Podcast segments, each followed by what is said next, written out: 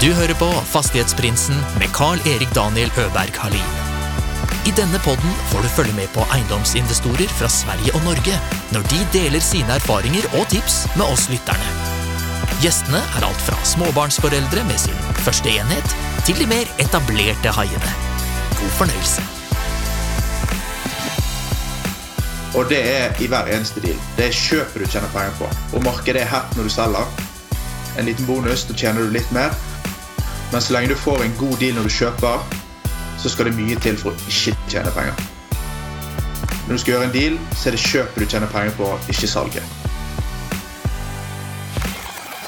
Denne episode deler en inspirerende, oredd ung entreprenør med seg om hvordan han med hjelp av YouTube lærte seg å renovere, til at han nå flipper leiligheter på løpende vann, utvikler en bygård og hans siste prosjekt, utleieplattformen Peach. Det er en episode full med gode tips, så det her vil du virkelig ikke missa. Ta godt imot Bergens neste eiendomsbaron, Andreas Rolland. Takk, takk. Kongen från Bergen. ja, si. Det är väl alla, alla från Bergen är väl en kung i Bergen. Ja, de tror det sjøl i hvert fall. När du inte driver med eiendom, hva, hva holder du på med da? Du, det er ikke så mye annet enn eh, eiendom, egentlig. Det er det eneste, eneste som går opp i hodet mitt eh, døgnet rundt. Så det, det er eiendom på jobb, og det er eiendom privat. Ja, ok. Har du noen fritidsaktivitet eller noen interesse utover det? Nei, det er jo den klassiske klisjeen, da. Trene, gå på tur, reise. Ja. Det, det er lite fritid og mye jobb eh, nå, iallfall. Siste årene. Du driver med det på fritiden og profesjonelt. Hvordan Hur ser den fordelingen ut? Hva er det du driver med profesjonelt? Och... Eh, profesjonelt, altså i selskap, så har jeg nå en bygård som jeg holder på å renovere for å leie ut. Jeg har også et selskap jeg driver som heter Peach, eh, som holder på å lage en plattform som skal hjelpe utleier og leietaker å få et bedre leieforhold og få bedre oversikt over sitt, eh, sitt leieforhold. Så profesjonelt så er det utleie og eh, da etter hvert forvaltning av andres leieforhold. Altså andres utleieobjekt. Og privat så er det der Privat har jeg eh, gjort litt av hvert. Pusser opp eh, for det meste. Har eh, flippet to boliger nå siste året. Og gjort meg, eh, eh, gjort meg noen kroner der. Og fått eh, vanvittig mye lærdom. Så har jeg de siste årene også lagt dette ut. hele prosessen. Hvordan jeg gjør ting, hvorfor jeg gjør ting, hva jeg tjener på det, og hvordan andre kan tjene på å gjøre det samme på kanaler som YouTube og TikTok.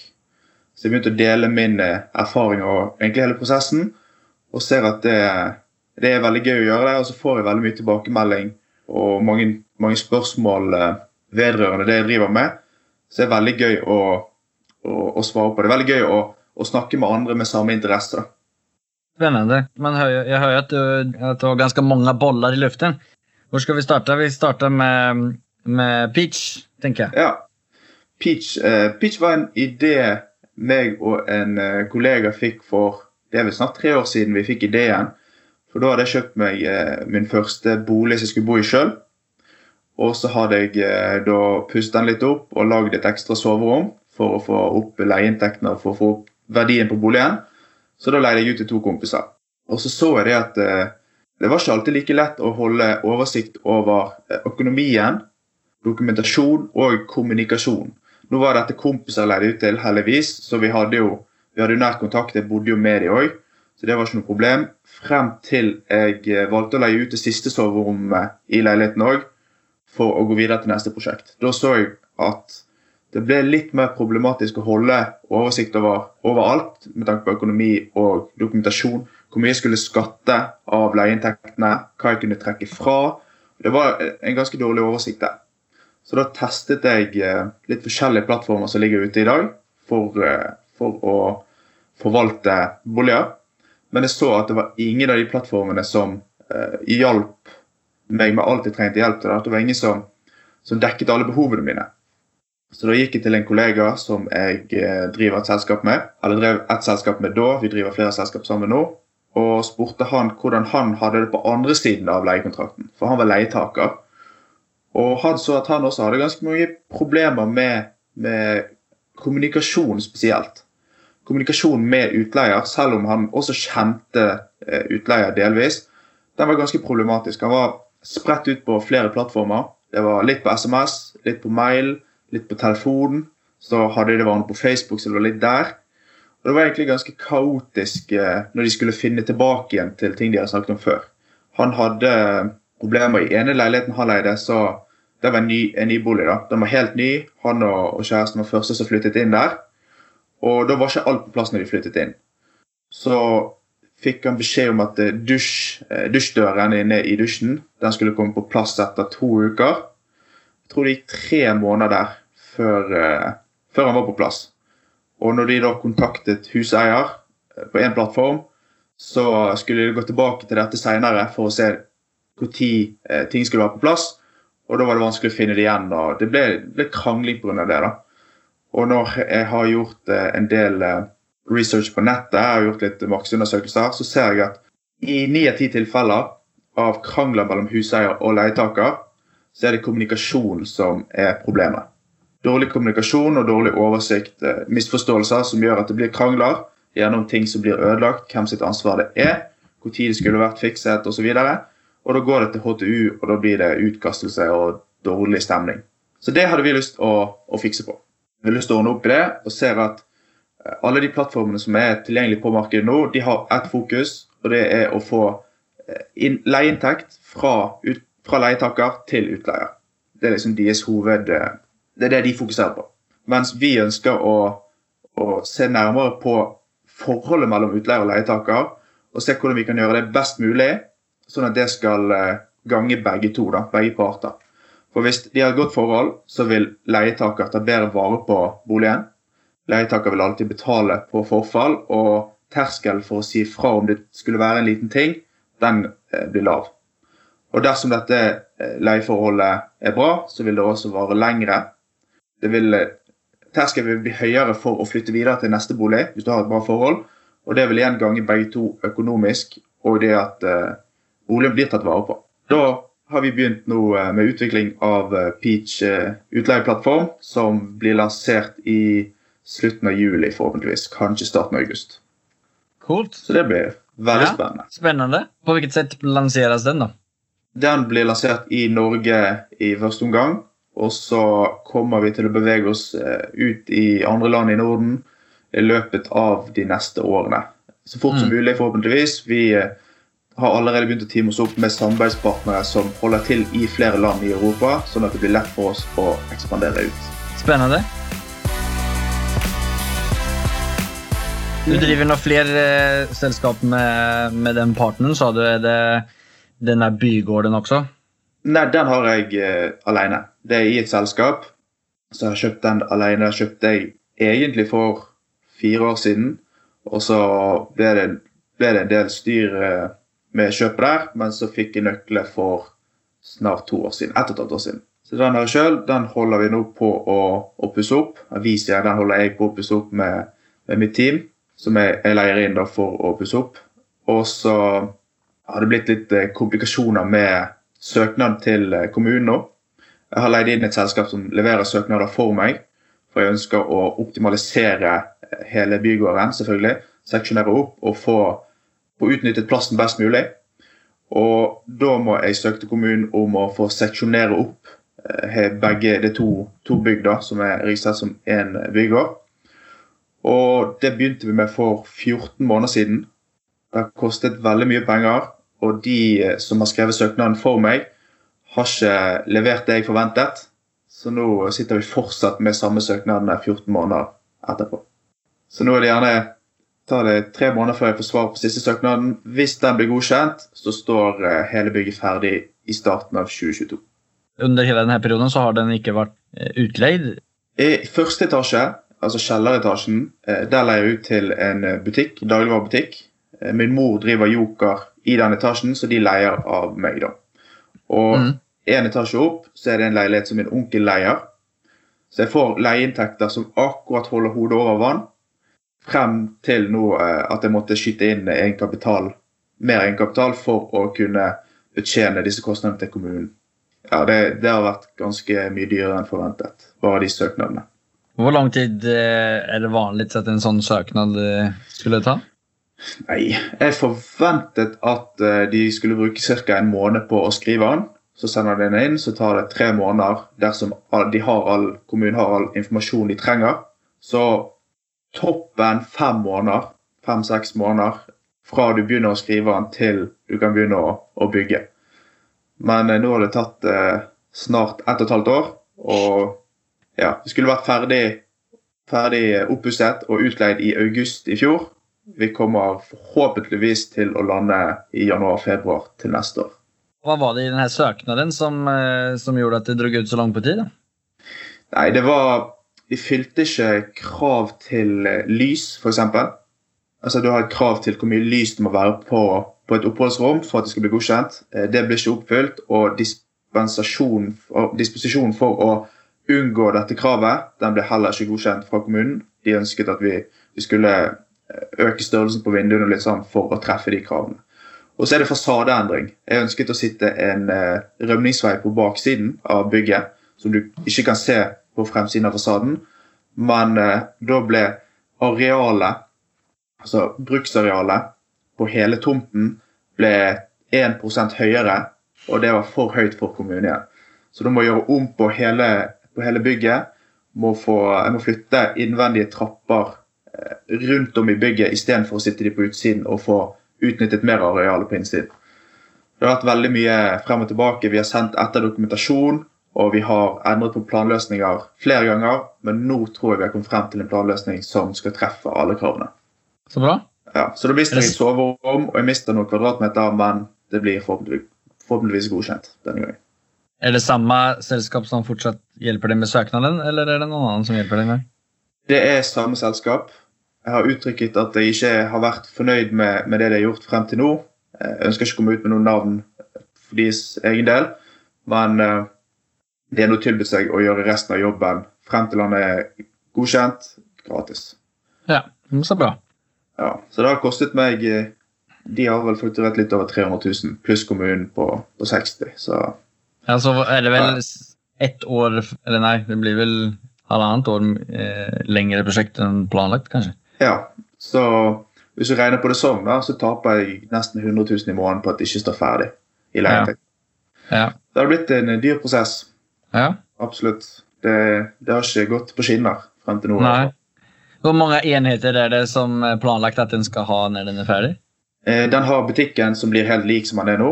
Eh, Det er jo altså det, Jeg husker ikke hvor mange kvadratmeter det er. Eh, Nesten 200 totalt i arealet. Mellom 150 og 200. Jeg har ikke målt opp det ennå. Og etasjen over der er det, altså det, det er to hus ved siden av hverandre. Et hjørnehus og et, et, et hus ved siden av. Og de er på én adresse. Så er de egentlig splittet på midten, men i gamle dager så var det veldig eh, vanlig at du åpnet mellom, og så hadde du mye større enheter. da. Du hadde gjerne små hybler som var connected til andre hybler. Så alt, hele, den, eh, hele det bygget er godkjent som én enhet. Men nå seksjonerer jeg det opp til å være fire enheter pluss næring i bunn. Det blir to leiligheter på en på 100 kvadratmeter og en på ca. 70. Og så får jeg to kollektiv der jeg slår sammen to tørkeloft. Det var gamle tørkeloft med, med boder. De gjør jeg om til bruksareal for inn rømningsveier og vind, skråtakvinduer der. Og gjør de om til fellesareal for kollektivene i etasjene under. Mm. Så da blir kollektiv med fem soverom på ene, fire soverom på andre, to bad og felles stue og kjøkken per kollektiv i toppen. Og de blir på ca. 160 kvadrat per leilighet. Så det blir fire boenheter pluss næring. Denne jeg ligger ganske sentralt i Bergen. Ja, han ligger fem-seks minutter å gå fra Bryggen i Bergen. Ja. ja. Eh, Peach bygård, hva var det første du gjorde da, innom eiendom? Hvordan, altså, hvor kom du inn på eiendom? Først hadde jeg lyst til å kjøpe denne bygården for fire år siden. Eh, da var jeg 19 19-20 år. Det var i starten av året. Så fikk jeg egentlig kjøpt den, men så ble det komplikasjoner eh, med, med kontrakten der. For jeg fikk den til Altså, tingen der var at denne bygården den tilhørte min grandonkel. Altså min mor, min mor sin onkel. Som hadde eid den i mange år. Og det var på en måte en familiebolig da, som, som skulle være i familien. Min mor driver butikk i første etasje, min onkel leier i andre etasje, og resten av familien har liksom, de har leid resten av huset i alle år. Men nå de siste 10-15 årene så har det bygget stått helt tomt. Det har stått helt tomt, bortsett fra butikken da, og min onkel. Og jeg har jo alltid vært interessert i eiendom. Jeg har lyst til å komme inn på eiendomsmarkedet. Så jeg så på dette som en stor mulighet til å virkelig bare kjøre på, komme meg inn uten så mye kunnskap, men egentlig bare ta ta den risikoen. Hvis jeg klarte det, så, så, får jeg en god start på det. Så snakket jeg med familien om uh, hva som var planen med bygget. Og da skulle egentlig min onkel kjøpe bygget for noen år siden, men det ble aldri til. Så jeg tenkte OK, hva om jeg kjøper det? Jeg jobbet i barnehage, jeg hadde dårlig lønn. Jeg, hadde, jeg tror jeg hadde 11 000 kroner i måneden. Sånn, veldig dårlig, veldig, veldig lite inntekt. Men jeg satt meg ned med min morfar og gikk gjennom eh, Vi lagde et regnskap, et budsjett på hvordan dette bygget kunne gå rundt av seg sjøl dersom du fikk inn leietakere til, til det, i det som sto tomt. da. Vi satte oss ned, tenkt, eh, skrev ned planer som eh, utnyttet eiendommen på best mulig måte. Hver eneste kvadratmeter kunne da bli brukt til utleie istedenfor at det sto tomt. Så når vi hadde satt opp et skikkelig budsjett på dette eh, Her hadde jeg ingen erfaring. Her bare brukte vi logic, altså common sense for å, for å få utnyttet dette bygget best mulig. da. Så lagde vi et budsjett så at det gikk eh, rundt og vel som det. Så gikk vi da til eieren, altså min, min onkel, og sa at jeg kan kjøpe det. Eh, jeg er i familien, jeg kan holde bygget i familien. Og dersom jeg får det for en god pris, så har jeg faktisk mulighet til å kjøpe det, selv om jeg ikke hadde så god inntekt og ikke var så gammel. Han var veldig glad for å, å få solgt det til familien. Så fikk, jeg fikk en god deal på den. Gikk til banken og fikk, det, fikk lånet innvilget. Jeg skulle få kjøpe det for under markedspris da, for å få råd til å kjøpe. Så jeg, ok, Kjempekult. Var, liksom, var kjempehyped, alt gikk bra. Signerte kontrakt, fikk lån i banken, lån ble utbetalt. Og så var det noen andre i familien som ikke var fornøyd med at jeg fikk det til under markedspris. For da ville de eh, arve mindre en gang i tiden. Så ble det mye greier. Eh, det ble rettssak. Jeg tapte første rettssaken var tom for penger. Men på den tiden så hadde jeg kjøpt min egen bolig som jeg skulle bo i. Så mens rettssaken holdt på, så gikk jeg og kjøpte en, eh, en kjellerleilighet som jeg skulle bo i sjøl, og begynte å pusse opp. Det er den jeg snakket om tidligere. Jeg delte stuen opp i, i to, lagde et nytt soverom. Dette var med fortsatt med null kunnskap om eiendom. Jeg bare prøvde meg frem. Jeg hadde null kunnskap om oppussing, men YouTube er fantastisk. Du finner det du trenger på YouTube, uansett hva du lurer på. Så da Fikk hjelp av kamerater. Vi pusset opp, lagde et nytt soverom. Fylte alle kravene til rømningsvei og, og, lys og alt du måtte trenge for å lage et nytt soverom. Fikk leid det ut, og da økte verdien på boligen eh, ganske mye. Så når jeg tapte første rettssak, så måtte jeg betale advokat, og det kom en del utgifter der. Så da refinansierte jeg den leiligheten jeg hadde pusset opp. Fikk ut noen hundre tusen, brukte det på advokat. Og så tenkte jeg ok, det er liksom Her kan jeg vinne mye, men jeg kan også tape mye. Men vi kjører en runde til. For jeg visste at jeg hadde rett. Sant? Jeg visste at jeg kom til å vinne dersom dommeren faktisk så, så sannheten i dette. da. Og så eh, refinansierte jeg. Satte jeg mye av pengene inn i advokat, og så anket vi saken. Og rettssak nummer to, to år etter uh, vi begynte første, så vant jeg. Da var det enstemmig hos dommerne uh, på at anken min var, var, riktig, så jeg vant rettssaken, fikk kjøpt boligen og endelig fikk jeg nøkler da, to år etter jeg egentlig skulle fått dem. Og da satt jeg med, eh, med Da kjøpte jeg dette i selskap fordi at du har ikke lov å leie ut mer enn fire enheter privat uten å måtte skatte noe helt sinnssykt. Så da er det 22, 22 eh, skatt på utleien dersom du kun har fire enheter. Så jeg tenkte jeg kjører det inn i selskap, dette blir mer enn fire enheter. Det er bedre på den måten, og da kan jeg også scale det opp og kjøpe mer eiendom når jeg er ferdig pusset opp og fått leid ut. Da var den i gang. Begynte å pusse opp. Begynte å rive. Leide inn folk til å rive og pusse opp mens jeg da skulle levere denne søknaden til kommunen. Så gikk søknaden til kommunen i dass. Jeg måtte stoppe opp eh, hele oppussingen. Og da hadde jeg plutselig ikke så mye kapital lenger. Jeg skulle låne penger av banken for å pusse opp mot at alt gikk som det skulle. Men det gjorde det ikke.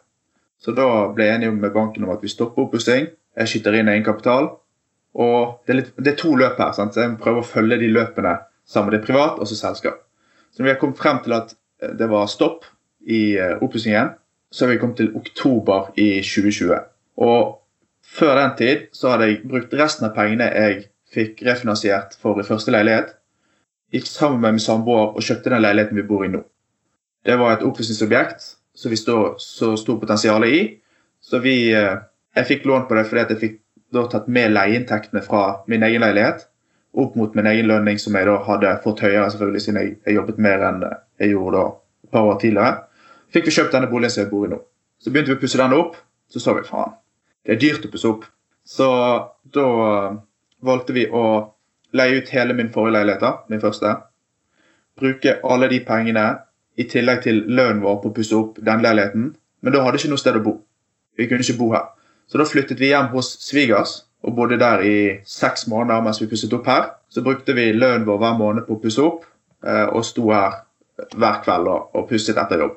Svigermor var med, svigerfar var med. Alle hjalp til det de kunne. Og vi ble ferdig med, med oppussingen på julaften i fjor, forfjor, 2019. Så julaften flyttet vi inn. Da hadde vi begge familiene her hadde stor fest. Eh, det var veldig kjekt.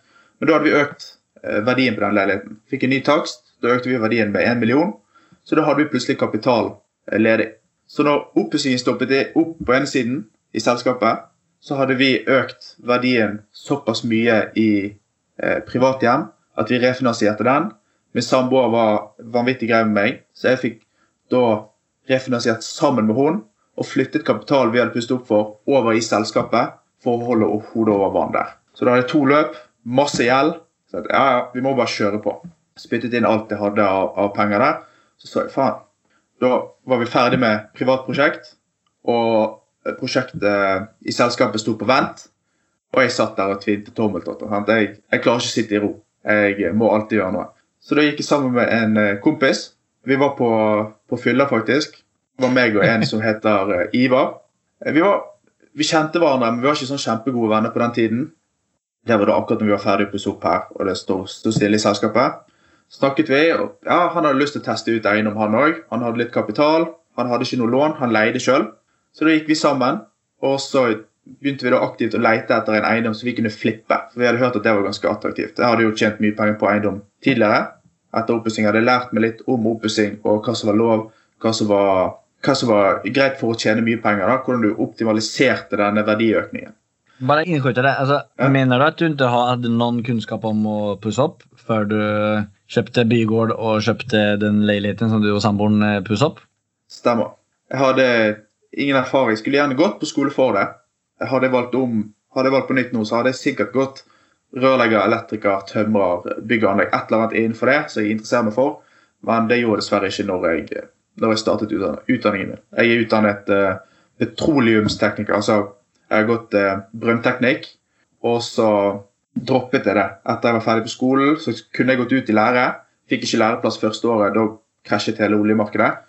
Eh, da var det eh, få som fikk læreplass. Jeg var en av de som ikke fikk, og valgte da å si fra med hele det yrket for å heller teste ut eiendom. Ja, Jeg gikk egentlig etter pengene, da, for jeg ville ut i Nordsjøen og tjene penger og ha mye fri. Men jeg så det at det interesserte meg såpass lite når jeg gikk på skole for å lære om det, at jeg da valgte å, å si det fra meg. Så jeg kjøpte meg leilighet, fikk den eh, til 400, 400 000, tror jeg, under prisantydning. Og gjorde det jeg klarte for å øke verdien opp igjen til til 2,5, tror jeg jeg hadde takst på. Men når jeg skulle selge den igjen, så fikk jeg ikke mer enn 2,2. Så taksten var ikke helt uh, var tydeligvis ikke helt reell. da. Det var banken som var inne og takserte den. Jeg hadde også en megler inne og takserte den. De mente den var verdt 2,5, men uh, markedet ville ikke gi det. Var det denne typen med Ivar, eller? Nei, det var første leiligheten min som jeg pusset opp ja. Selv, Som jeg selv. Men igjen så leide jeg den ut i såpass uh, mange måneder at jeg tjente jo penger på den uansett om jeg uh, uansett, Selv om jeg ikke tjente så mye på, på selve salget, så tjente jeg hver eneste måned. Ja. Så det gikk greit i pluss der òg. Så meg og Ivar tenkte OK, vi kjører på. Jeg er veldig spontan type. Jeg er sånn, ja, ja, vi klarer det. Vi kjører på, kjører på, kjører på. Ivar er en mer kritisk type som går dypt i tallet for å se om det faktisk er penger å hente. Og han er litt med sånn Jeg er veldig frempå, han holder meg litt tilbake. Sammen er vi en veldig god match eh, når det kommer til business. Så etter Det var i januar i 2020. Jeg tror rett før nyttårsaften, kanskje desember 2020, bestemte vi oss for ok, vi vi prøver ett prosjekt sammen og ser hvordan vi fungerer som partnere. Og så fant vi ikke et bra nok prosjekt før i mai, tror jeg. Så vi var aktivt på leit i fire eller fem måneder før vi fant første objektet som vi ønsket å kjøpe.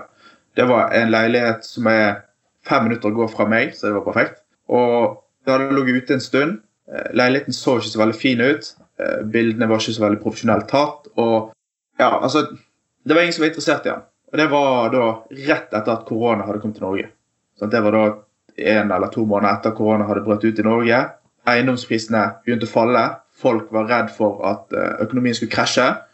Folk ville ikke bruke penger, og eiendomsmarkedet var jo ganske dårlig i en, et par måneder. Vi tenkte ja, ja, eiendomsmarkedet kommer til å gå opp igjen. Hvis vi øker verdien på denne boligen, så får vi solgt den med profitt uansett. Så vi tenkte ja, vi, vi, kjører på. Så ga vi et bud. Budet ble ikke godkjent. Så tenkte vi ja, greit. Så ble vi kontaktet av megler igjen uh, med et uh, motbud som vi syntes var for høyt, men vi, vi, møttes på midten der. Så vi fikk den til under prisantydning. Så da kjøpte vi den, og en uke etter vi kjøpte boligen, så begynte markedet å stige igjen. Så der hadde vi bare veldig flaks. Markedet gikk opp én uke etter vi fikk nøkkelen. Og det som var veldig greit er at han megleren, Eiendomsmegleren som vi bruker, vi begynte å bruke han fra det. Og han, Det var han som solgte boligen til oss. Så vi fikk kontakt med han pga. at vi kjøpte boligen. Så hadde han tidligere hatt inne et par på visning på boligen. De hadde lyst på han, men de gadd ikke å pusse opp sjøl. De kunne ingenting om oppussing. Så da kontaktet han de igjen og sa at nå er det to gutter her som skal pusse opp leiligheten og selge den igjen. Er dere interessert? Så de kom og, og, snakket med oss, så gikk vi rundt i leiligheten og solgte den da, dagen vi fikk nøkler, tror jeg det var. Så ni solgte den før den var pusset opp? Ja, før vi begynte i det hele tatt. Så var, hadde vi skrevet kontrakt med kjøper da, mot at vi pusset den opp etter deres ønsker. Så hadde vi, et, vi hadde skrevet ned et budsjett på hvor mye vi skulle bruke på hele oppussingen. Da hadde vi ned til, ned til kronen på hvor mye vi skulle bruke. Og så økte de da eh, noen av tingene, sånn som kjøkkenet oppgraderte de mot at de betalte mellomlegget. Så da pusset vi den opp etter deres stil, og da hadde vi allerede solgt den. Vi tjente oss noen kroner på det, og lærte jo mye underveis. Og da begynte vi å forme et samarbeid med elektrikere og rørleggere der. De to er ganske viktige når du driver med flipping. Vi skal ha et webinar nå, meg og to eh, andre på TikTok, der vi skal snakke om det. Om hvor viktig det er å ha gode samarbeidspartnere på oppussing. Jeg kan ta, ta det kjapt gjennom det. På grunn av det, på grunn av de to, eh, de to partene der, elektriker og rørlegger, altså de, er, de svarer Hvis jeg ringer tar en telefon til dem hvis det er noe jeg lurer på, så svarer de lørdagskveld klokken 11. Og så sitter vi og tar en prat. De er toppfolk, og de går lengre for å gjøre kunden fornøyd. Så da har vi gått inn i et sam samarbeid med de, kunne si, om at vi pusser opp. Så jobber de for oss eh, på oppussingen. De bytter ut rør, de bytter ut elektriske på, på selskapet. Men vi betaler ikke full eh, pris før etter vi har eh, refinansiert eller solgt boligen. Sånn som siste flippen vi kjøpte, vi kjøpte nå, eh, meg og Ivar eh, Nå går jeg litt fort frem. Men vi solgte i hvert fall den, til, til, den forrige til de som, eh, som eh, ønsket å kjøpe den, men ikke pusse opp sjøl. Og så ønsket vi å finne en ny en. da. Vi ønsket å finne en ny, en ny bolig å flippe, for vi så at det var penger i dette. Men vi er veldig kresne. Vi, vi, vil heller flippe én i året og tjene en halv til en million hver, enn å flippe ti stykker der vi tjener 100 000 kroner per flipp. Fordi at Om du flipper privat, så kan du ikke flippe så mange i året før du må begynne å betale næringsskatt på det. Og da er ikke 22% lenger. Og vi ønsker å holde oss til det. Vi har mye annet å gjøre på. Så vi gikk aktivt på leit. Men siden jeg begynte å publisere ting på TikTok og YouTube og Instagram, så begynte meglere å kontakte meg. Så når meglere hadde, eh, hadde, objekter som de ønsket å selge med oppussinger, så kontaktet de meg og spurte om jeg hadde lyst til å kjøpe. Så den leiligheten vi kjøpte nå sist, den fikk vi off market. Den, ikke, den ble ikke lagt ut på Finn engang. Vi kjøpte den til, eh, til under prisantydning mot at vi bare vi kjøpte den med en gang.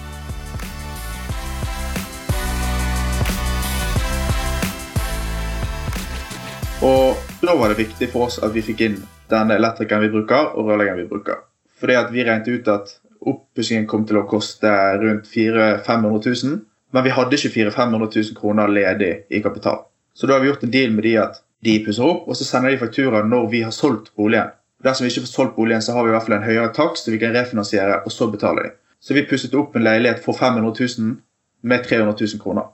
Mm. Men vi hadde 300 000 tilgjengelig, men vi trengte ikke betale elektriker og rørlegger før vi hadde fått inn mer kapital. Og det er vanvittig greit når du har så gode samarbeidspartnere, for ellers hadde ikke vi klart å, å finansiere det. på den måten. Da måtte vi gjerne lånt kapital fra privat, privatpersoner, og det er mye dyrere. For vi makset ut det vi kunne få hos banken, og de så det at vi fikk en god profitt på, på ganske liten tid på forrige flipp, og ønsket da å hjelpe oss å finansiere neste. Så de var kjempegreie. Vi fikk eh, finansiering fra banken med en gang, og holdt boligen i, i noen måneder før vi solgte den igjen nå med, med ganske god profitt. Det er den der finansielle kreativiteten som eh, man åpenbart lærer seg underveis. Hvor lenge tog det å gjøre den Ja. oppussingen før Den ni refinansierte? Ja, Den siste oppussingen nå, den, eh, da fikk vi nøkler 5. desember. Da tenkte vi egentlig planen var å bruke da eh, maks tre måneder, men det gikk eh, fire. For der var det, det er alltid komplikasjoner. Når du går inn i et oppussingsobjekt som dette, eh, der kan du se videoer på min eh, YouTube-kanal av hvordan det ser ut før og etter. Og det er den verste leiligheten jeg har vært inne i. Der, der strippet vi alt ned. Vi tok vekk absolutt alt og så bygget vi hele opp igjen på nytt. Og det, I teorien så skal ikke det ta mer enn tre måneder, men når elektriker begynte å skulle bytte sikringsskapet, så er det en sånn stigeleder. Altså Strømmen kommer inn i en feit strømkabel inn i bygget, og så går han inn i kjelleren til et sånn hovedskap der. Så går han videre opp i vårt sikringsskap. Så går han derfra opp til neste, derfra opp til neste, så deler han ut strøm til hele bygget. Men den var 70 år gammel ca. Så når elektriker begynte å plukke på denne, så bare smuldret den opp. Og du skal ikke kødde med det. Det, det er ganske farlig.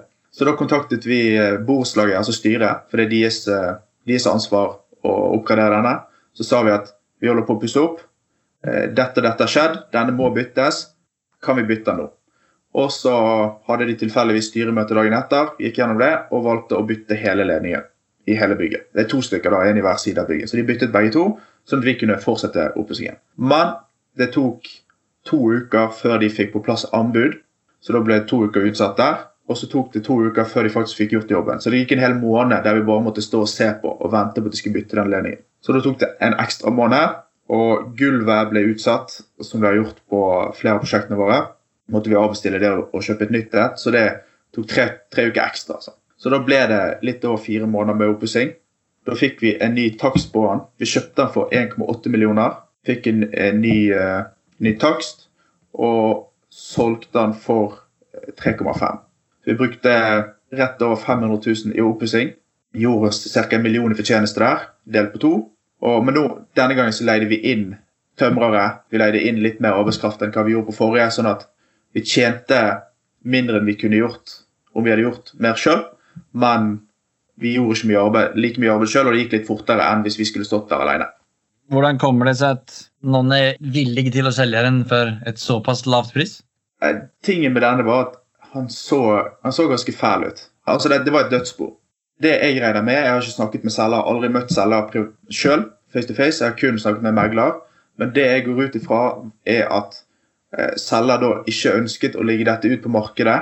Fordi at leiligheten var i den standen han, han var. De ønsket i hvert fall bare å selge den så fort som mulig, og ikke, ikke ligge den ut noen steder.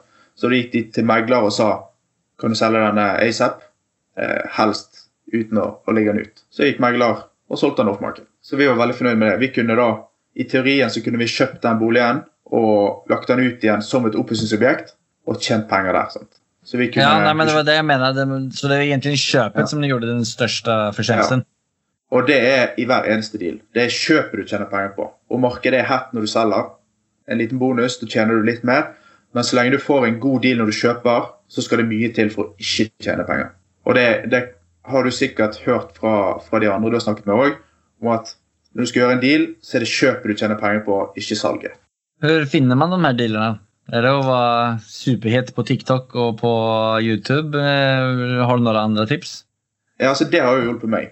Jeg har sett Ja. det at eh, altså Vi har jo fått, vi har fått uh, rabatter på dører, på belysning, på elektromateriell, på alt sånt som det. Fordi at vi legger ut vårt arbeid, og da kommer leverandører til oss og ønsker at vi skal snakke om deres produkt dersom Mm. vi er fornøyd med deres produkt. Så da tester vi produktet deres.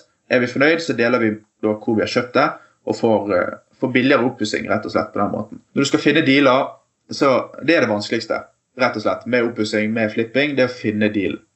Først der, tre leilighetene jeg kjøpte, var på Finn. Og så har jeg kjøpt da to off-market. Den bygården og eh, den siste leiligheten vi kjøpte. Sånn som denne leiligheten her, der har vi økt verdien med, med million. Nå pga. markedet har sikkert, sikkert vært enda mer, men vi har ikke fått ny takst på den nå. Eh, denne fant vi på Finn. Vi var da ett av to par som var på visning. Og trikset dette har jeg snakket om i en tidligere podcast trikset når du skal finne objekter på Finn, det er ikke å, å se etter de objektene der det står oppussing i tittelen eller i beskrivelsen. Så si det er, det er ganske hett marked nå på oppussing. Si det er 200 stykker i Bergen som er på utkikk etter oppussingsobjekt. Så har de 90% av de har lagret et søk på finn.no som bare heter rehabilitering eller renovering eller oppussing. Så hver gang eh, det er en leilighet som blir publisert på Finn som inneholder ordet oppussing, så får de opp varsel. Da er det 50 stykker på, på visning, og da er det budrunde. Det du heller må gjøre, er å se etter boliger der selger og megler ikke ser at de trenger oppussing. Det går an å bo der, men du ønsker gjerne å pusse det opp for å få mer penger foran. Så det gjør vi med denne her. Det sto ikke oppussing ett sted i annonsen. Det gikk an å bo her sånn som det så ut, men det var ikke optimalt. Så da gikk vi inn, fikk finansiert den, og uh, har rett og slett pusset den opp på en litt mer moderne måte enn hvordan den var. Noe som har økt verdien noe helt sinnssykt. Bare det å slå ned veggen mellom stue og kjøkken og åpne opp der, har gjort at etterspørsel på leiligheten har gått opp, eller på den type leilighet har gått opp, og igjen eh, speiles det i prisen. Hvilke tiltak er det mest lønnsomme ved en oppussing? Eh, å få inn et soverom til. Ekstra soverom. Eh, der har jeg, jeg har både positiv og negativ erfaring med akkurat det. Den første leiligheten jeg opp, da delte jeg opp stuen. Jeg har en video på YouTube der jeg snakker om min første eiendomsinvestering hva som var positivt og hva, hva negativt de gjorde med den dealen. Og Da delte jeg opp stuen i to, fikk inn et ekstra soverom. Det var en, eh, en utleiemaskin, rett og slett. Du kunne ikke fått noe mer ut av de kvadratmeterne med tanke på leieinntekt. Men når jeg skulle selge det, så var det flere, som, flere interessenter som sa det fra seg pga. stuen var så liten. Jeg husket heller at, at veggen forsvant, det ble en stor stue igjen. For det, da er det to, to typer målgrupper du sitter på. Det er de som skal leie ut, og de som skal bo der sjøl med familie. Enten du skal leie hele ut, eller du er student og skal leie deler ut. Da er det veldig bra med tre soverom selvfølgelig, og en liten stue. Men er du en familie eh, som skal bo der sjøl, så ønsker du gjerne litt større stue. Og da færre soverom per kvadratmeter. Så det var fortsatt god plass. Det var en OK stue. Jeg også, snakker også om det i den videoen om det objektet. Men det ene budet jeg fikk inn, eh, der hadde de et uh, ønske om at jeg fjernet den veggen igjen og åpnet opp stuen. Så det kan være både positivt og negativt. Mens den siste flippen vi gjorde, eh, der valgte vi å flytte kjøkkenet. Den var på, leiligheten var på 50 kvadrat. Det var en stor stue på 25 kvadrat. Et stort soverom, bitte lite bad og helt greit kjøkken. Der valgte vi å flytte kjøkkenet ut i stuen og lage et, eget, et nytt soverom. Og bare det å lage det nye soverommet og flytte de, de rørene kostet oss Si det kostet oss 30 000 ekstra, men verdien økte med 300 000. Så å flytte kjøkken er et stort tiltak, men når vi allerede skulle ned med alt, vi skulle bytte alle rørene, bytte avløp, bytte alt, og legge opp nytt elektrisk, så kostet det eh, kostet mye mindre enn det smakte. da. Så vi fikk mye mer tilbake enn det det faktisk kostet. Så flytte kjøkken for å lage ekstra soverom, det er mitt beste tips. Bare for å få litt mer kontroll på Andreas. Når du valgte å ikke hoppe videre på petroleumsstudiet, så begynte du med eiendom direkte. Hva var det du begynte med da? Da var jeg 18, og da tenkte jeg ok. Uh, jeg hadde lyst til å starte for meg sjøl. Starte et selskap, starte et eller annet. Jeg har alltid hatt lyst til å, å gjøre noe eget. Så jeg begynte, Og så er jeg veldig glad i å jobbe i barnehage. Glad i å jobbe med mennesker. Så jeg tenkte ok, jeg søker i barnehage. Så gjør jeg det på siden bare for å ha litt inntekt. Jeg bodde hjemme, hadde veldig lite utgifter. Så jeg trengte ikke den største inntekten for å overleve. Så begynte jeg å jobbe i barnehage. Så er det veldig dårlig betalt i forhold til hva arbeidet gjør. Men det er en veldig givende jobb, så skulle jeg egentlig være der i to måneder. Endte opp med å jobbe der i to år. På slutten så, så jeg det at jeg jobbet der ca. 100 da. Begynte med 60 jobbet med opp til 100 Men det var veldig lite betalt. Jeg hadde lyst til å kjøpe meg leilighet. Eh, det gikk ikke med bare den jobben, så da fikk jeg meg en jobb til som vekter. Og da jobbet jeg på det meste der så jobbet jeg som vekter i barnehage og eh, som servitør. Så jeg jobbet tre jobber aktivt. Jeg vet ikke hvor mange timer jeg jobbet, men eh, jeg tror ikke det var lov å jobbe så mye som jeg jobbet. for å si det sånn. Nei. Nei. Og, da, og, Det var i tillegg til at jeg startet mitt første selskap som var klistremerker til barnesko for å få rett sko på rett fot. For så det at ungene slet med å se forskjell på høyre og venstre. De klarer ikke det. Eh, i den alderen der. Syv av ti ganger tok de feil. Og så kom de til meg og klagde på at de hadde vondt i føttene. De skjønte ikke hvorfor. Så ok, vi må gjøre noe med det. Begynte å tegne med sprittusj i, i skoene. Sånn at de så at pil, to piler pekte mot hverandre. De skjønte poenget med piler ganske fort. Og så at det funket. Men sprittusjen gikk jo vekk etter tre-fire dager med svetteføtter oppi der. Sant? Ok, Jeg har lyst til å gjøre noe med denne ideen. Hadde egentlig lyst til å selge ideen til eh, en skoprodusent, sånn at de bare kunne trykke det direkte i sålen. Så gikk jeg til Innovasjon Norge, jeg var med på sånn eh, kurs med de. Eh, hadde en one-to-one talk med de og så hvordan jeg kunne kapitalisere på ideen. Og de frarådet meg å gå til en produsent for å selge ideen, fordi det skal mye til å få et patent på akkurat det. Så da gikk jeg heller hjem og så skisset jeg opp noen klistremerker jeg ble rådet av Innovasjon Norge å lage et eget produkt så du kunne feste her, eller egne såler f.eks. Så jeg kunne selge som et tilleggsprodukt til skoene. Og så gikk hjem så lærte jeg meg et redigeringsprogram hvordan jeg skulle tegne. Så lagde jeg noen uh, papirlapper. Lagde tegninger både på papir, lagde i papp og plastikk og styrte på.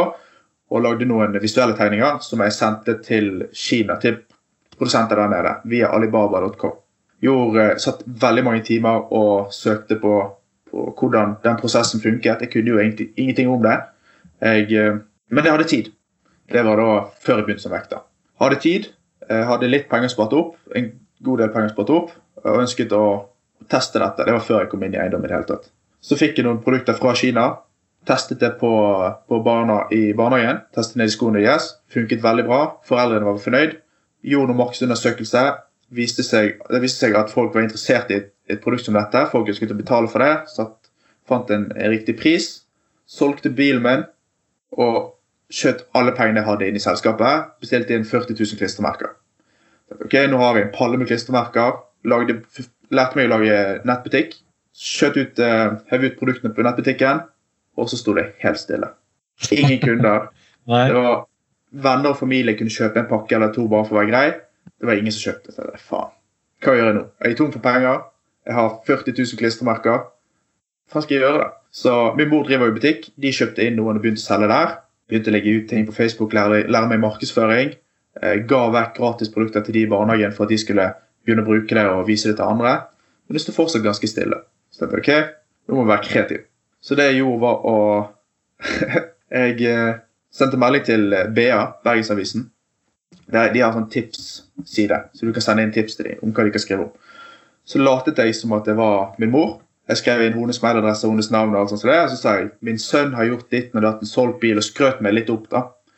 Og de ble veldig, veldig eh, gira på dette, ville gjøre et intervju. Mamma visste ikke om det, så hun sendte meg en melding og ringte meg og spurte hva jeg holdt på med, siden hun plutselig hadde blitt kontaktet av BA.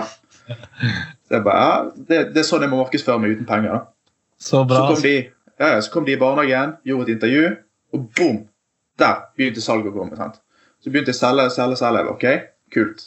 Det var ikke så mye, men det var mer enn enn eh, i starten, for da hadde jeg veldig lite salg. Så plutselig hadde jeg gjerne en 10-20-30 salg for dagen i et par dager. Så ok, Nå får jeg litt momentum.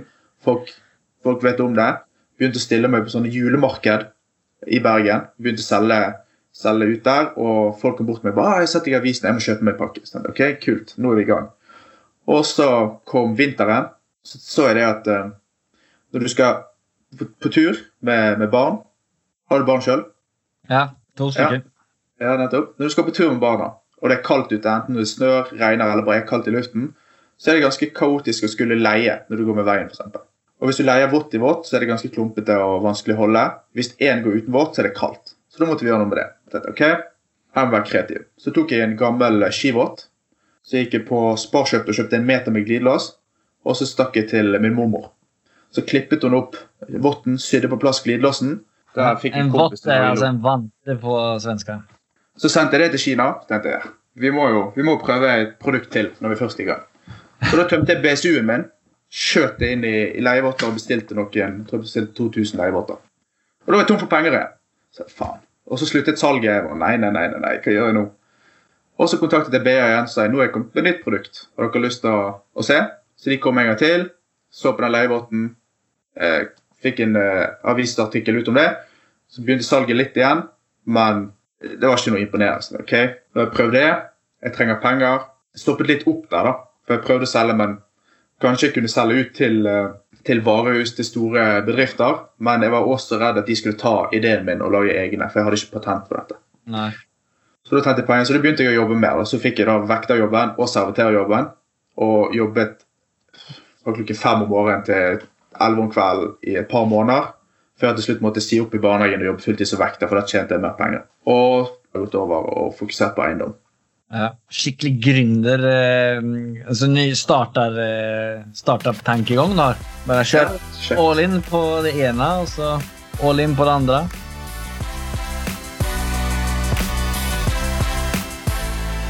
Hva er forskjellen på TikTok, YouTube, og Instagram og Facebook eh, i, i disse liksom, sosiale medietider? Som det popper opp en, en ny plattform som man skal være på og oppleve Liksom. som? Nei, altså, Forskjell på de er egentlig ganske stor. Eh, Det TikTok jeg har fokusert på, for den organiske veksten på TikTok er helt enorm i forhold til de andre, forhold til de andre plattformene.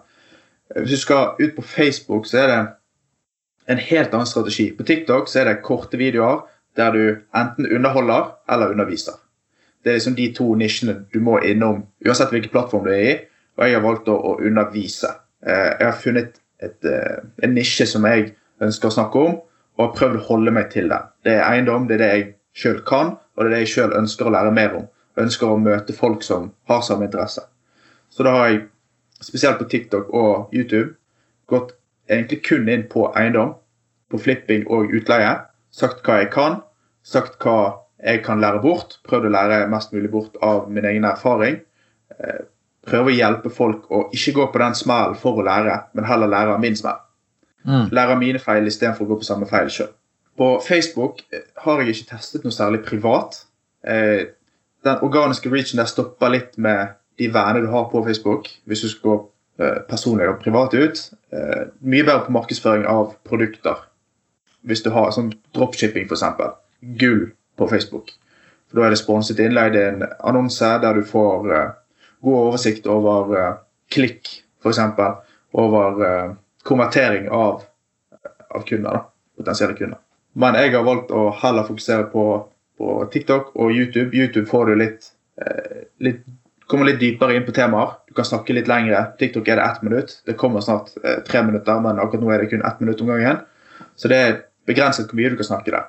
Men er du kort og presis, så blir folk interessert. Eh, altså TikTok er jo veldig avhengighetsskapende, og du får på en måte Du får, du får ut rask content som folk konsumerer med en gang sånn. Du, du trenger ikke å sitte deg ned med foran PC-en eller foran TV-en og se, følge med på en lang video. Du får rask content med en gang som stimulerer hjernen ganske, ganske hurtig. Jeg er, så ny, jeg er såpass ny inn i alle de her ulike mediene, Så min bild av TikTok är jo sikkert ganske gammeldags at det er bare masse Ja. dansevideoer. där. Sånn var det i starten. Det var jo et, uh, en app som het Musically, der du egentlig bare uh, lipsynket til videoer. Så da, da var det ikke noe for meg. Jeg, jeg så ikke på den muligheten før det ble om til TikTok. Før jeg selv ble Når korona kom, så lastet jeg ned appen egentlig bare for å se hva det var. Ble helt avhengig, satt inn på der i fire-fem timer for dagen. sant? Det bare stimulerte hjernen om og om igjen. Det er så lett å bare gå inn, og så sitter du der i to timer, og så bare Shit, der var jeg tom for strøm. Eller der var klokken gått. sant? Du satt jo hjemme i i karantene her i, i noen måneder, så da, da konsumerte jeg ganske mye content fra andre content creators. Ja. Jeg tenkte, ok, eh, alderen Jeg tror det var, jeg tror, det- jeg tror det var eh, den eh, koronaen som gjorde at alderen har gått ganske mye opp. Ja. For Tidligere så var det kun dansevideoer, syngevideoer og ganske unge brukere. Men når korona kom, så tror jeg det er mange som liksom lastet det ned på, på tull. Bare for å se hva det er. Og så ser de at ok, det er faktisk eldre, eldre folk som lager content. Og så får du tilpasset, til, tilpassede videoer på din For you-page etter hva du interesserer deg for. Så hvis du får opp en video som du ser to-tre ganger, så leser da algoritmen til TikTok at du liker denne type videoer, og vil da sende mer sånne type videoer til deg. Så jeg får kun opp videoer om uh, noe krypto, eiendom og trening. Det er liksom det jeg ser på. Og så litt komedie fordi jeg følger det. Publikummet er ganske mye eldre på YouTube, fordi folk eh, går gjerne mye dypere. Hvis du er interessert i eiendom, så går det mye dypere og ser en lang YouTube-video der du faktisk får forklart alt du trenger å vite. Mens hvis du er litt, eldre, nei, litt yngre og litt nyere i gamet, så ønsker du gjerne quick content der du lærer litt hele tiden istedenfor å gå dypt inn på et tema. Nei, Sjukt kult. Jeg har jævlig mye å lære om det der. Det hører jeg. Så har du Stordalen, som er en, eh, en profil i Norge som er veldig flink på å markere seg. Veldig flink på å skaffe oppmerksomhet til sine prosjekter. Og det merkes, og det funker. Så jeg har vel tatt noe inspirasjon derfra om at hvis du går offentlig og snakker om ting du liker og ting du interesserer deg for, så vil det igjen tiltrekke seg andre folk med samme interesser. Du bygger nettverk, og du får rett og slett flere kunder. Ja, det er den strategien jeg har valgt å bruke. da. Å gå, bli litt offentlig, snakke om ting jeg interesserer meg for, for å få flere interessenter. Hva er din plan med din virksomhet og med eiendomsreisen din? Jeg har satt meg et mål, eh, et økonomisk mål. Det er egentlig bare for min egen del å ha noe å strekke seg etter. Jeg har lyst å, å tjene meg opp, ha en, uh, ha en equity på 100 millioner innen jeg er 30 år. Ja. Ikke fordi jeg skal gjøre noe spesielt med pengene, men det er bare et mål som jeg har hatt i hodet siden jeg var 16 år. Det skal jeg klare. Så dersom jeg ikke klarer det, så gjør den motivasjonen og gjør det arbeidet jeg, jeg gjør for å nå det, sånn at jeg kommer mye lenger enn hvis jeg ikke hadde hatt et sånt mål. Så nå Målet mitt personlig er å eh, kjøpe meg fire utleieenheter privat. Det er det du kan leie ut med, med kapitalskatt. For så, etter det, så kan jeg begynne å bygge meg opp egenkapital til å kjøpe meg et hus eller noe jeg ser jeg kan bo sjøl. Og et triks som jeg gjerne skulle gjort sjøl, men som jeg ikke har gjort, det er å leie sjøl istedenfor å kjøpe og bo sjøl. Lei selv, kjøp utleieenheter, for da kan du Da får ikke du Det går lengre tid før du makter ut lånet ditt. Så hvis du bor et sted sjøl og skal kjøpe en sekundærbolig, så er det mye vanskeligere enn hvis du leier et sted og kjøper to boliger, utleieboliger. For da kan du gange opp inntekten din med leieinntektene. Så jeg er inne på tanken nå om å selge min private bolig, selge bilen som jeg har lånt på, for å kjøpe meg utleieboliger og faktisk flytte hjem eller leie et billig sted. Bare for mm. å kunne utnytte denne belåningsgraden. Ja, Peach er jo det tror jeg kommer til å bli veldig stort, for det hjelper både leietaker og utleier på alle mulige måter. Det kommer til å Kanskje litt klisjé å si det, men jeg tror det kommer til å revolusjonere utleiemarkedet ganske bra. Jeg tror vi kommer til å få veldig mange uh, brukere. Vi kommer ikke til å, til å, ta betalt for alt mulig. Vi gir det vi kan, det vi har råd til å gi, gir vi ut gratis. Sånn at enhver utleier og enhver leietaker kan få det så bra som mulig for så lite penger som mulig.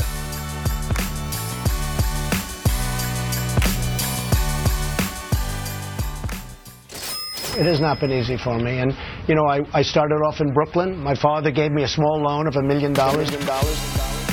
Affärsanalyse. Då har vi kommit fram till vårt eh, nästa segment som heter Affärsanalysen. Der går eh, varje gäst igenom en deal som du har gjort. Dela med deg om lite tall. Har du tenkt gjennom noen eh, deal som du vil dele med deg om? Ja, jeg kan snakke om siste flippen vår. Ja. ja. Eh, det, da kjøpte vi jo en leilighet. En andelsleilighet, ikke selveier. Den kjøpte vi for 1,8 millioner. Og vårt budsjett I vårt budsjett så regnet vi med at vi kunne selge den for mellom 2,7 og 2,9 millioner. Markedet har gått ganske mye opp siden det. Og pga. profileringen som vi har gjort på YouTube og TikTok, så har vi fått ganske mange interessenter som vi ikke hadde hatt dersom vi ikke hadde lagt ut noe. Vi har lagt ut hele prosessen, forklart i, eh, ned til minste detalj om hvorfor vi har eh, pusset opp så bra som vi har pusset opp, hvorfor vi leverer den kvaliteten vi leverer. Og det gjenspeiler seg i prisen vi fikk for boligen. Vi gledet oss til en budrunde. Vi fikk et, eh, et, et tilbud off market som vi ikke klarte å si nei til, så det ble ingen budrunde.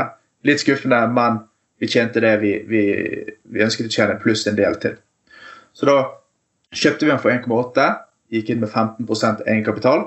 Og så har vi da pusset opp for eh, rett over 500 000 kroner. Med bankutgifter og meglerutgifter, alt, eh, alt, alle utgiftene med hele boligen. Så landet vi da på et overskudd på rett over en million. En million og, jeg tror vi landet på en million 30 000. Eh, på da fire måneder med arbeid. Jeg tror ikke jeg kunne blitt så mye mer fornøyd. Det er jo selvfølgelig kjipt å selge en leilighet som du har brukt så mye tid og penger på, Og vi er veldig fornøyd med, med leiligheten. Kunne gjerne bodd der sjøl. Og vi gleder oss veldig til å, til å gi den over til selger, sånn at de kan få, få brukt den. Det tipper jeg at du kommer fortsette med å flippe leiligheter i Bergen fremover. Absolutt. Nå kommer vi til å fokus, ha mye fokus og bruke mesteparten av tiden på Peach. Kommer gjerne til å vente et år med å kjøpe neste flip eh, for å ikke måtte betale næringsskatt på det. Også og så når jeg er ferdig med prosjektet, prosjekt Bygård, så kommer vi til å, til å bruke mye av leieinntektene der på nye flipper i selskap. For da slipper du den skatten på hver eneste. Kjører du i selskap, så kan du kjøre der i flere år og øke kapitalen før du til slutt trekker det ut som enten lønn eller overskudd.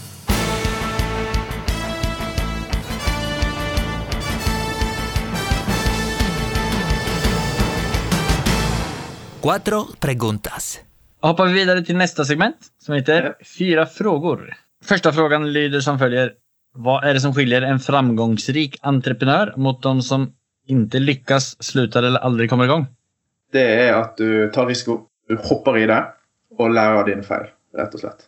Ja, nei, det er jo onekligen et eh, godt eksempel på, så jeg tar det vid de åren. Andra spørsmålet.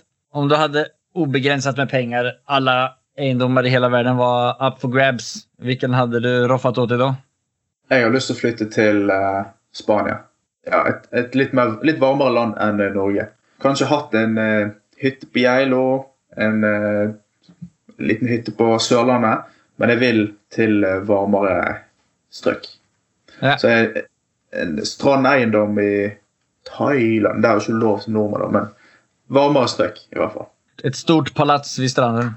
Den ser jeg. Eller faktisk et, eh, det jeg snakket om tidligere, et slott i Frankrike. Der kan du kjøpe gamle, slitte slott, og så Mm. pusse de opp. Og, ja, det hadde vært, det hadde vært kult. Når du gjør det, så får du bjude inn med på en liten eh, vinfrokost. Jeg skal gjøre det. Tredje spørsmålet er Har du et bra boktips for en som er interessert i eiendomsinvestering? Kanskje ikke akkurat direkte for eiendomsinvestering, men eh, mine to favorittbøker når det kommer til business, det er Rich Dad Poor Dad. Den, eh, Mm. den kommer jeg sikkert til å lese igjennom ikke så lenge. Den er veldig veldig bra. Det, det handler om hvilken mindset du må ha for å komme ut av the rat race. For å komme ut av 94-jobben og gjøre, gjøre det du selv ønsker. Og også Petter Stordalen sin første bok. Andre boken er også grei, men den første han, eh, han slapp, husker ikke helt hva den het, men den er veldig motiverende. Sista spørsmålet. Nevn det mest storartede, morsomme eller minnesverdige måten du har feiret en gjennomført affære på. Jeg er ikke så, jeg er ikke så flink på å feire ting. Jeg husker den rettssaken som jeg var i. Når vi fikk nei på den, så var jeg ganske, ganske langt nede og prøvde å finne måter å komme videre og få anket den på. Og når vi vant, så husker jeg da satt jeg på kontoret og jobbet, så fikk jeg en telefon fra min mor, der hun uh, gren på telefonen. Og så, så skjønte jeg at var, vi hadde fått svar. da. Og da trodde jeg vi hadde fått at vi tapte, så jeg sank litt ned i stolen. Og så sier hun vi vant. Og da er jeg bare OK. ok. Så gikk jeg litt i sjokk. Så la jeg på. Så bare gikk jeg litt rundt. OK, nå, nå er vi i gang. Nå må jeg liksom, nå må jeg opp igjen og begynne. Og, øh, øh. Så gikk kollegaen min og kjøpte kake. Og så måtte jeg ringe min mor opp igjen bare for å spørre hva, hva var det du sa egentlig. Og så landet jeg litt. Og så kjøpte vi kjøpte to kasser pils, og så hadde vi fest på kontoret bare for å Nice. Det er bra. Paula, min kone, som røstet fram det og kom med forslaget om at vi skulle ha det spørsmålet. Det er jo ekstremt viktig å fire. Åpne opp en champagneflaske og bare kjøre på. Er, eh, det skal vi gjøre oftere, tykker jeg. Det er faktisk ikke dumt. Det må jeg bli bedre på. Å feire. Ja. Yes, Bør det nærme seg til at att vi er ferdige med vårt uh, superinteressante eller superintressanta. Har du noen siste tips til alle nye investerere? ja, hopp i det. Lag et uh, godt budsjett. Peach lanserer straks en gratis uh, utleiekalkulator. Der eh, du går inn på nettsiden vår, så går du på kalkulatoren, så plott, finner du et utleieobjekt som du har lyst til å finansiere. Plotter du inn all informasjon du har der, og så skriver du ut et eh, budsjett, sender det til banken, og får ja eller nei på finansiering. Sånn, da, da skriver du opp yield, du får ut akkurat det du trenger av den informasjonen banken trenger. Sender det av gårde, så får du et ja eller nei tilbake. Kjør på. Bo gjerne hjemme så lenge som mulig for å spare mest mulig penger. Se på muligheten for å være litt kreativ når det kommer både til egenkapital og til eh, belåningsgrad. Trykk inn eh, fire-fem tips i, den der, i det spørsmålet. Det liker jeg. Det er superbra. Er det noen spesielle deals eller, eh, som du ser på framover, eller personer eller bedrifter som du vil komme i kontakt med? Altså nå jeg står med den eller sitter med Peach nå eh, hele døgnet mitt og har fått et par nye partnere der. Vi teamer opp med Hedvig Forsikring, som er fra Sverige. Vi teamer opp med store selskap som jeg ikke kan komme ut med ennå, dessverre. Men eh, gjerne, jeg vil gjerne koble opp med utleiere som eh, både driver små som både driver lite og stort med utleie av både næring og privat eh, utleie. For da kan vi rett og slett hjelpe med å få et best mulig leieforhold, eh, både økonomisk og eh, med den kommunikasjonen og egentlig forholdet mellom deg og leietaker. På hvilket sett kan lytterne komme i kontakt med deg på beste sett? Det må bli Instagram. Der har jeg best oversikt over meldingene som kommer inn. Tusen takk, Andreas, for at du ville være med og dele. Og Bare hyggelig. jeg har i hvert fall lært meg supermye, og det er helt sikker på at eh, en og annen eh, ny og gammel i eiendomsbransjen har gjort også. Lykke til videre med alle dine spennende prosjekter. Takk for det. Vi snakkes, da. Ha det bra. Det gjør vi. Ha det bra. Ja, hva skal man si?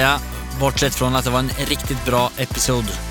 Andreas tog oss igjennom på en gratiskurs i TikTok om hans nervpirrande första investering som inte gick helt som planlagt till alla spännande projekt Andreas har varit och är involverad i. Jag måste säga att Andreas lämnade ett stort avtryck på mig. Det jag refererar till hans eh, sätt att tänka. Han har stora mål, är orädd, kastar sig ut i saker och går all in när han gör en sak. Samtidigt som man är en man med båda fötterna på jorden. Jag själv är och har varit väldigt rädd för att kasta mig ut och ta det där steget och göra min första investering. Men jag måste säga att efter det här samtalet så har jag kommit betydligt närmare. Så tusen tack till dig Andreas för att du ville dela med dig och hjälpa mig och förhoppningsvis andra att utvecklas innanför det här ämnet. Tusen tack till dig som lyssnar. Tycker du om det du hör?